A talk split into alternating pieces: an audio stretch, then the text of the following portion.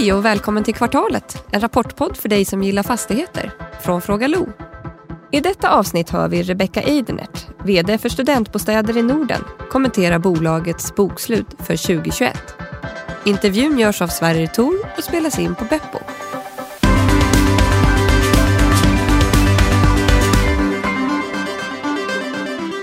Hej allihop och välkomna till Kvartalet och hej Rebecca Eidnert. Hej Sverige. Välkommen tillbaka. Tack så mycket. Hur är läget? Det är bra. Intensiv dag. Ja, det, det ska det vara. Ja. Jag brukar säga att det är som, som rapportsläpp är som kosläpp. Ja. glad, glada vd oavsett hur det går. ja. Ska vi börja med att höra vad Niklas har att tycka? Absolut. Niklas Höglund, varsågod.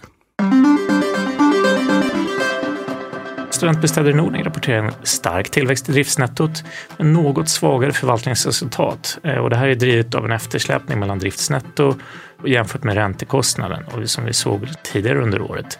Och det påverkar ju såklart även räntetäckningsgraden negativt som är på låga 1,5. Bolaget delar inte ut någon utdelning och det är i linje med tidigare kommunikation. Tittar man på värdedrivarna så är ju omvärderingen ganska låg. Endast eh, 0,8 procent i kvartalet och 4 procent ungefär på helåret. Vilket ger en eh, ett substansvärdestillväxt på 13 procent jämfört med föregående år. Så det är ju riktigt bra. Eh, riktigt bra. Det är ju drivet framförallt av lite högre belåningsgrad. Intjäningskapaciteten är oförändrad jämfört med tredje kvartalet. Så man kan väl säga att, att bolaget eh, behåller sin positiva utsikt när det gäller förvaltningsresultat och, och eh, eh, driftsnetto trots att man inte riktigt kunde leva upp till det just i det här kvartalet. Och eh, tillväxten jämfört med föregående år är ju imponerande 73 procent, eh, vilket definitivt bekräftar tillväxtresan man är inne på. Händelser i kvartalet att lyfta fram är att bolaget tillträdde det tidigare kommunicerade förvärvet i Norge genom en apportemission till en kurs på 11,40 vilket är ungefär 10 procent över substansvärdet och hela 23 procent över börskurs. Det här kommer ju helt klart stärka kassaflödet och även substanstillväxten per aktie. Bolaget lyfter också fram ett bygglov i Spånga som har skett efter det här kvartalets stängning om 1000 studentbostäder, vilket ger stöd för projektportföljen. Och bolaget har även efter kvartalets utgång erhållit en kreditrating med BB- med stabila utsikter från Nordic Credit Rating, också viktigt för tillväxtresan. Drivarna framåt är ju tillväxt genom projektportföljen om drygt 3700 lägenheter, vilket underbygger bolagets mål om att få ett tillväxt i substansvärde och förvaltningsresultat om 20 procent per år. Bolaget är relativt litet idag med en fastighetsportfölj om 5,6 miljarder. Men om man tittar på investeringarna i, i de här projekten så har det här värdet eh, potential att mer än dubblas. Drivet då av projektportföljen såklart. Aktien värderas idag med cirka 10 procents rabatt i substans, vilket är klart under marknadens värdering på ungefär 16 procent och framstår som riktigt attraktivt givet den här potentialen och i takt med att, att börsen lär känna bolaget bättre och vi får lite stabilitet på en högre nivå i förvaltningsresultatet så kommer definitivt aktien att framstå som ännu mer attraktiv för investerare. Tack för det. Är du nöjd med rapporten? Ja men det är jag. Det har varit ett väldigt intensivt år. Mm. Eh, Och som vi har pratat om tidigare så är jag väldigt glad att vi har kunnat rätt ut så mycket under det här året och också tittat framåt. Gjort eh, många transaktioner. Och eh, ja, men det är ju så när man jobbar så intensivt som vi gör så behöver man ibland titta i backspegeln och se att nej, men vi, vi har vårt första börsår. Vi har fyra analyser som vi har fått under året. Eh, vi gjorde en rating eh, som vi fick här i januari. Och sen så har vi gått in i två nya länder. Mm. Mm. Så att, eh, det är mycket som har hänt. Mm. Och det är som vanligt, det är en ganska imponerande lista era väsentliga händelser. Mm. Eh, så vi, vi hann ju prata om några av dem förra gången. Mm. Ja, det som hände under kvartalet. Men, men eh, det är ändå en hel del som, som jag tänker. Men jag tänkte börja med det är bara börja med att sammanfatta rapporten lite. Sammanfatta kvartalet i, i siffror. Ja, nej men absolut. Eh, Alltså det, det jag tycker eh, verkligen är det som vi vill belysa. Det är ju att vi har ju ökade hyror med 39 procent. Mm. Eh, om vi tittar på helåret mot, mot eh, 2020. Driftnettot ökar ju till 74 procent. Eh, och eh, någonting som vi verkligen vill belysa det är ju överskottsgraden som under kvartalet går upp till 57 procent eh, jämförelse med, med kvartal 4 2020 som ligger på 47. Mm. Så att, eh, där har det hänt väldigt mycket. Vad, vad är det som förklarar den skillnaden? För det är ju, mm. alltså bostäder är ju eh, det är ju väldigt förvaltningsintensivt jämfört med mm. många andra tillgångslag. Men men 47 låter ju till och med för bostäder ganska lågt. Ja, nej men alltså jag tror att det är en stor del av liksom det äldre studentbostadsbeståndet som, som ser ut så här. Eh, och det här beror ju såklart på de transaktioner som vi har gjort delvis eh, med att det är mer nyproduktion. Och eh, sen så också såklart att eh, vi har ju fått igång vår egen förvaltning som vi satte där under 2020. Eh, och liksom de digitala verktygen. Där har ju vi en fortsatt resa att göra för, för att vi vill ju få all in och utflytt helt digitaliserad eftersom vi har så stor in och utflytt eh, med mm. det segmentet som vi har. Eh, men där har vi ju fått en väldigt liksom, bra förstärkning med Magnus Jägre och hans gäng som har varit både på Rikshem och Amasten tidigare. Så att det här kommer ju förbättras ytterligare. Och eh, framförallt med den projektportföljen som vi har också mm. eh, så kommer det här öka eh, under de närmaste åren. Mm. Så ni köper liksom en del högre överskottsgrad mm. men ni lyfter också den i det befintliga beståndet? Ja, nej okay. men absolut. Mm. Hur mycket av, av du nämnde intäkterna, mm. alltså hur mycket av dem kommer via det ni har köpt? Hur mycket kommer jag tänker, har ni höjt intäkterna i, i det gamla beståndet så att säga? Ja men alltså det är ju klart att det, det är ju alltid en årlig eh, hyreshöjning eh, och här i Sverige så är ju den liksom reglerad så att vi förhandlar den varje år.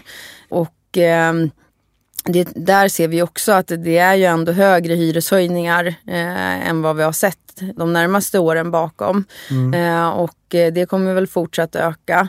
Nej, men det är klart att det är en blandning men sen så med eh, att vi också slutförde de här projekten som Prime Living hade. Där var det ju såklart, vissa hus stod ju helt tomma eh, mm, och mm. andra var det väldigt höga vakanser. Eh, och de är ju nu inflyttade så att eh, det bidrar ju också framförallt. Okej, okay, så realiserade mm. projekt? Ja. Mm, mm. Mm. Bra. Ni har ju vuxit en del i, i form av volym. När du, du, du skriver här i, i vd-orden, när du började 2018. Mm. Eh, då, då hade ni 1350 lägenheter. Mm. Eh, idag är ni på 4600 och målet mm. är ju 10 000. Ja. Och det är ju en ganska, det är ett ganska ambitiöst mål. Ja men det är det. det, är det. Samtidigt så är det så att eh, med liksom det befintliga vi har idag, transaktioner som kommer in här under första halvåret och vår projektportfölj. Då är vi uppe i ungefär 8000. Mm. Mm. Okej, okay, så och då har du ju svarat frågan på hur ni ska komma dit. hur ska ni ja. fylla de 2000 då? Mm. Nej men alltså vi ser ju att vi har ju två sätt egentligen att växa framöver och det är egentligen köpa befintliga kassaflödesfastigheter och där vill vi gärna hitta med liksom en viss utvecklingspotential. Eh, och det kan ju vara att Eh, man bygger om gamla korridorer till vanliga lägenheter eller att man kan förtäta eh, ytterligare. Mm. Eh, men sen så också mark, precis så som vi har, har gjort här under året. att eh, Vi har köpt mark som vi sen bygger på helt enkelt. Mm. Mm. Vi har ju pratat om det här förr, men just den här frågan om mark. För det är ju, mm.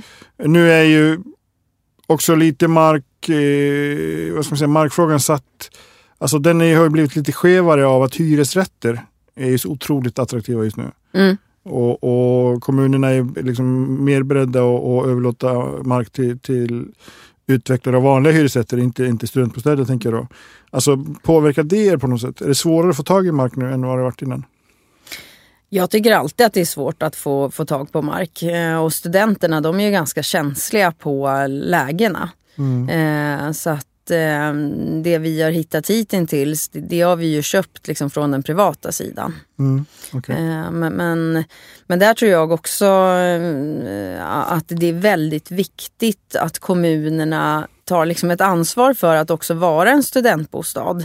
För det ser vi ju på ratingen för liksom universiteten att eh, där är ju bostadsfrågan liksom väldigt prioriterad för att komma högt upp i, mm. i, i de internationella ratingen. Mm.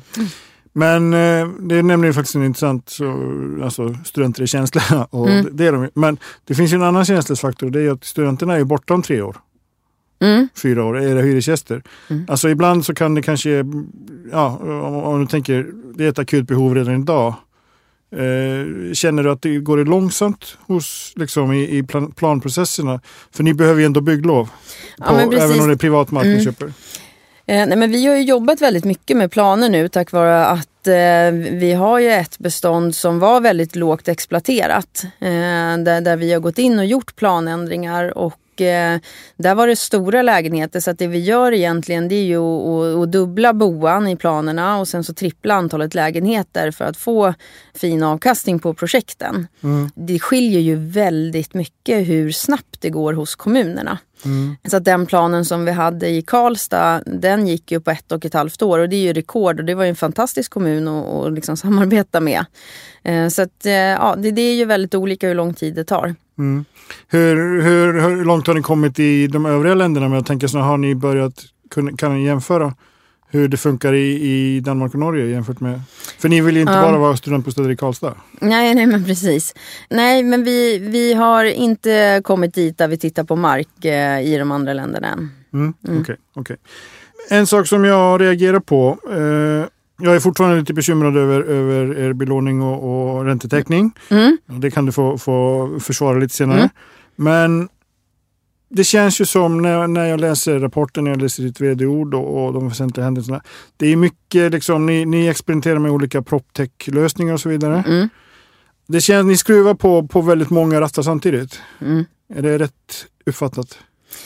Ja, men absolut. Alltså, vi är ju väldigt nytänkande eh, och eh, det är klart att det kan ju vara liksom lite läskigt ibland. Eh, samtidigt så har vi jobbat i de här gamla fastighetssystemen och eh, skulle vi försökt att uppnå det med liksom de äldre fastighetssystemen då hade det här tagit år. Eh, så att, eh, och eh, där är det väl positivt också att vi har det segmentet som vi har. Att studenterna är nog lite mer nyfikna eh, än om vi hade haft vanliga hyresrätter. Mm. Men, eh, nej, men det här är tvunget eh, om vi ska kunna digitalisera oss så mycket som vi vill. Mm. Men jag antar att någonstans så vill ni komma till ett helhetssystem. Där det finns ett system som, liksom ett, ett interface som in, liksom, jobbar mot alla de andra systemen, eller? Ja men det, det får vi ju nu genom lanseringen av appen. Det är ju det som våra hyresgäster kommer eh, använda.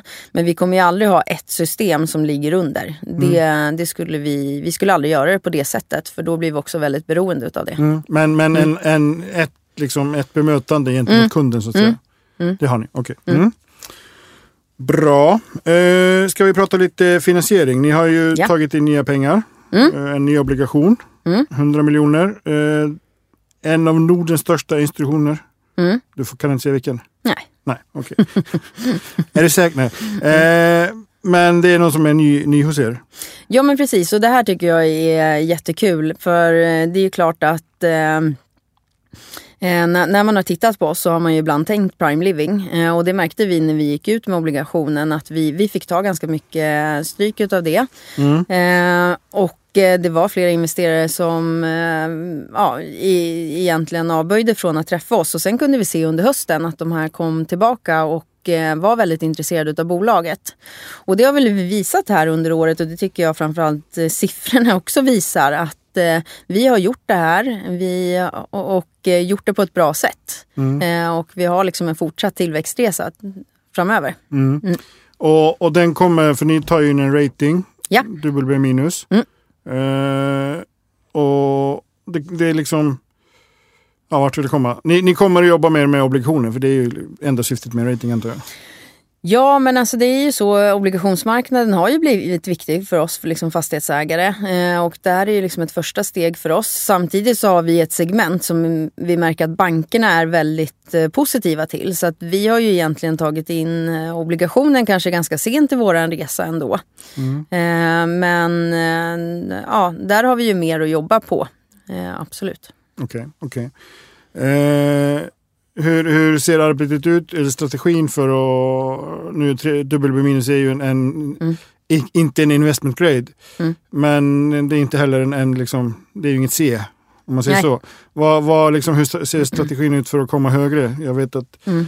en av, en av er, stor, storägare är ju, gör väldigt mån om, om, om, om att höja sitt re- sitt betyg? Liksom? Hur, hur tänker Ja. ni där? Nej men alltså det, det här är ju självklart liksom ett fokusområde framöver. Vi har ju inte kommunicerat något mål på, på vilken nivå vi vill ligga. Eh, men vi är nöjda att vi har ratingen och, och ändå det ger en trygghet för investerarna. Eh, och det kunde vi ju se på handeln också efter ratingen släpptes. Mm. Mm. Bra. Eh, det finns också en fråga som jag tänker att vi måste komma till. Det är ju en skattefråga. Mm. Den måste vi prata om sen. Men eh, jag tänkte bara, det här förvärvet i Spånga som ni har tillträtt. Det är det vi pratade om förra gången va? Det ni gör tillsammans med allihop. Eller är det Ja en men annan precis. affär? Det, eh, allihop det är ju, de hyr ju de befintliga husen, de projekten som vi slutförde. Okej, Eh, precis. det. Ja. Mm. Eh, och där har ju de tagit eh, fler lägenheter. Eh, så det är ju jättekul Mm. eh, att efterfrågan var så stor så att de vill, vill expandera ytterligare där. Mm. Mm. Men sen har ni tillträtt, eh, nu ska vi se hur många lägenheter i Spånga. Ni fick bygglov, förlåt. Ja. Över tusen. tusen Det är mycket att hålla reda på. Ja. Nej men precis, vi äger ju också grannfastigheten och det var ju också en del eh, i det vi fick in då liksom utav det här förvärvet. Eh, och där eh, fanns det ju tidigare då ett bygglov på 850 lägenheter. Eh, men det här har ju vi projekterat om helt och hållet eh, efter liksom våra typhus. Eh, och nu har vi över tusen lägenheter i det bygglovet som vi fick. Okej. Mm. Är det här en, ett av de, de projekt som gamla Prime Living jobbade med? Precis. Okej. Mm. okej. Bra, Eh, då har vi eh, klargjort det. Sen tänkte jag att vi skulle prata om ert estimatsamarbete med Pinpoint Estimates. Mm. Ni nämner det. Ja. Och jag tänkte så här, okej vad är det här? Då får du berätta mer. Mm.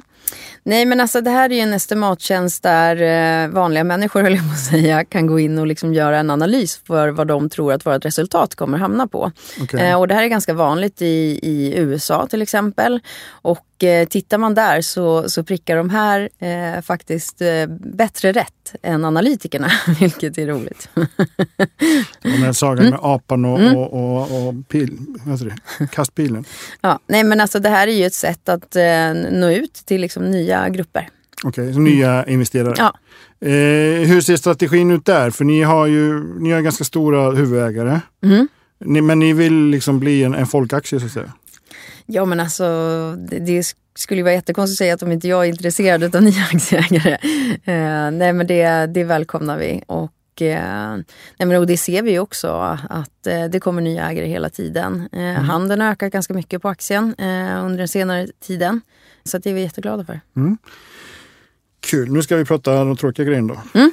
Eh, skattefrågan. Ja. Eh, ni har ju fått ett, ett beslut från Skatteverket Ja. eh, avseende egentligen någonting som hände i ett annat bolag innan din tid.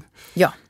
Kan inte du guida oss igenom det här? För det här känns som att det här skulle kunna vara det har ju, större bolag har ju gått bet på, på, på skattefrågor tidigare så det Mm. kan ju vara ganska viktigt. Ja men precis. Nej men eh, det är ju så, tyvärr så har vi ju fått det här beslutet från Skatteverket eh, och det handlar ju om ett eh, entreprenadbolag som då Prime Living hade tidigare.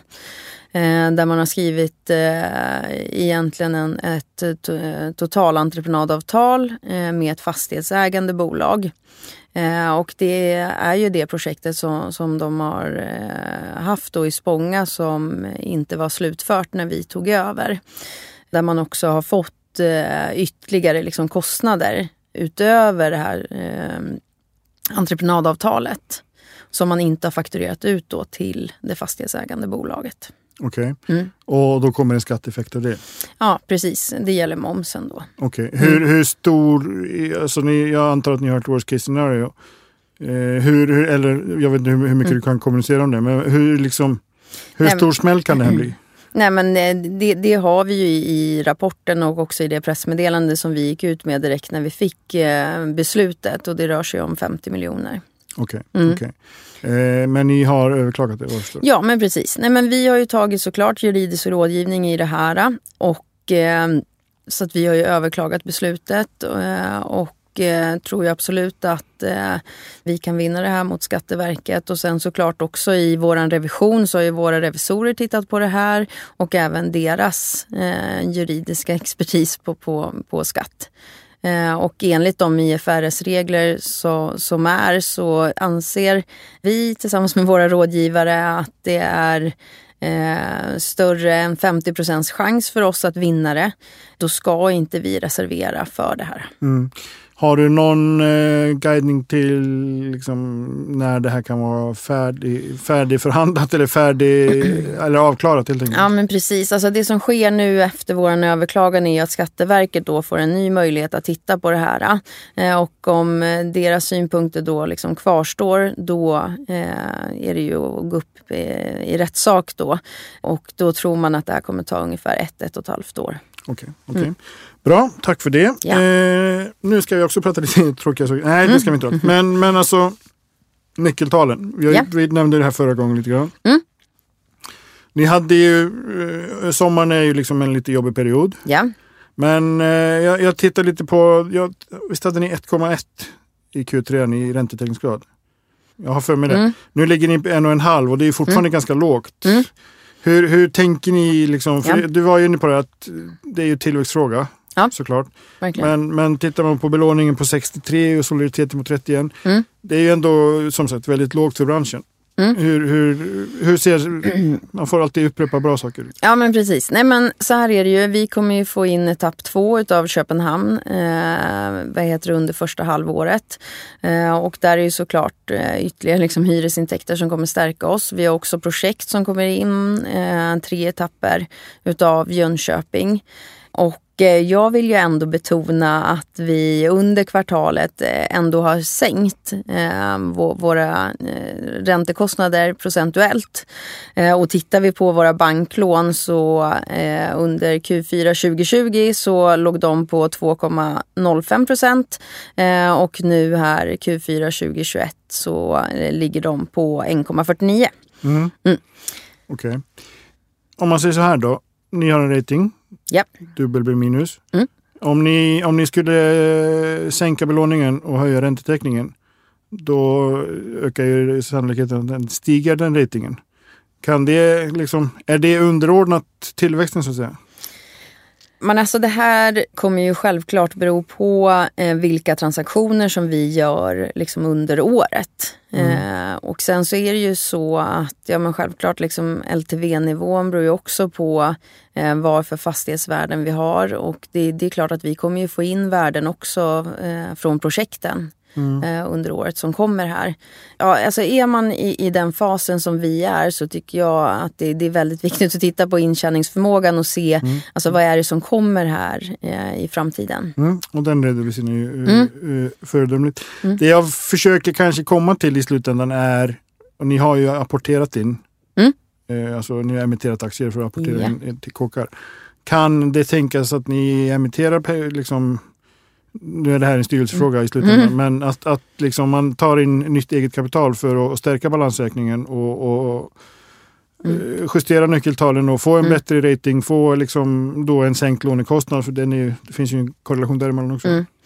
Mm. Nej men absolut och vi gillar ju verkligen att göra affärer på det sättet med apportemission. Och det har ju vi gjort ända sedan vi startade och vi tycker också att det bidrar till liksom renare affärer eh, när man liksom snarare krokar arm mm. än att man gör en affär och sen så går man isär. Eh, så att eh, det tror jag absolut att vi, vi kommer se under det här året också. Mm. Mm.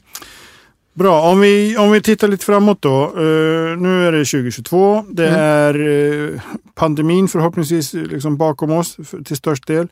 Är, är det fokus business as usual, fokus på, på att växa? Ja, men absolut. Och, och där vill vi väl också det, få, få det sagt att eh, alltså det här projektet i Stockholm eh, med över tusen lägenheter. Det sätter ju vi igång med här nu under 2022. Eh, och tanken är att vi, vi kommer leverera det inom två och ett halvt år. Och det är fantastiskt att Stockholm kan få över tusen lägenheter eh, på så kort tid. Mm. Det mm. behovet finns. Eh, om man tittar eh, övriga Norden, Danmark, Norge, är ni inne i Finland? Mm. Vi kikar på Finland. Okej, okay. mm. spännande. Får vi se. se. Kanske vi kan prata om det nästa gång. Då. Ja. Eh, bra, då är det avslutningsfrågan som alla får svara på. Ja. Den gäller utdelning. Ni mm. ger ingen utdelning. Nej. Eh, vilket ju kanske är rimligt med tanke också på, på nyckeltalen, men det är mm. inte därför. Det, det, är liksom, det är samma där, det är tillväxt som är Ja men precis, precis. Nu är det ju inte vi som bestämmer eh, utdelningen men eh, det har vi ju tydligt i våra mål att inom de närmaste åren så är det ju tillväxten som kommer prioriteras. Eh, och, och, här har vi en stor projektportfölj och, och liksom jobba vidare med. Eh, hyresvärdet på projektportföljen är ungefär 216 miljoner eh, mm. årligen. Så att eh, det är ju verkligen eh, en stor del om man jämför mot liksom, de hyresintäkter som vi har idag. Mm. Mm. Toppen!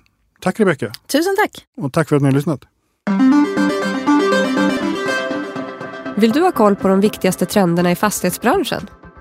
Lyssna på vår podcast Fastighetspanelen med Sveriges ledande rådgivare, där poddar finns.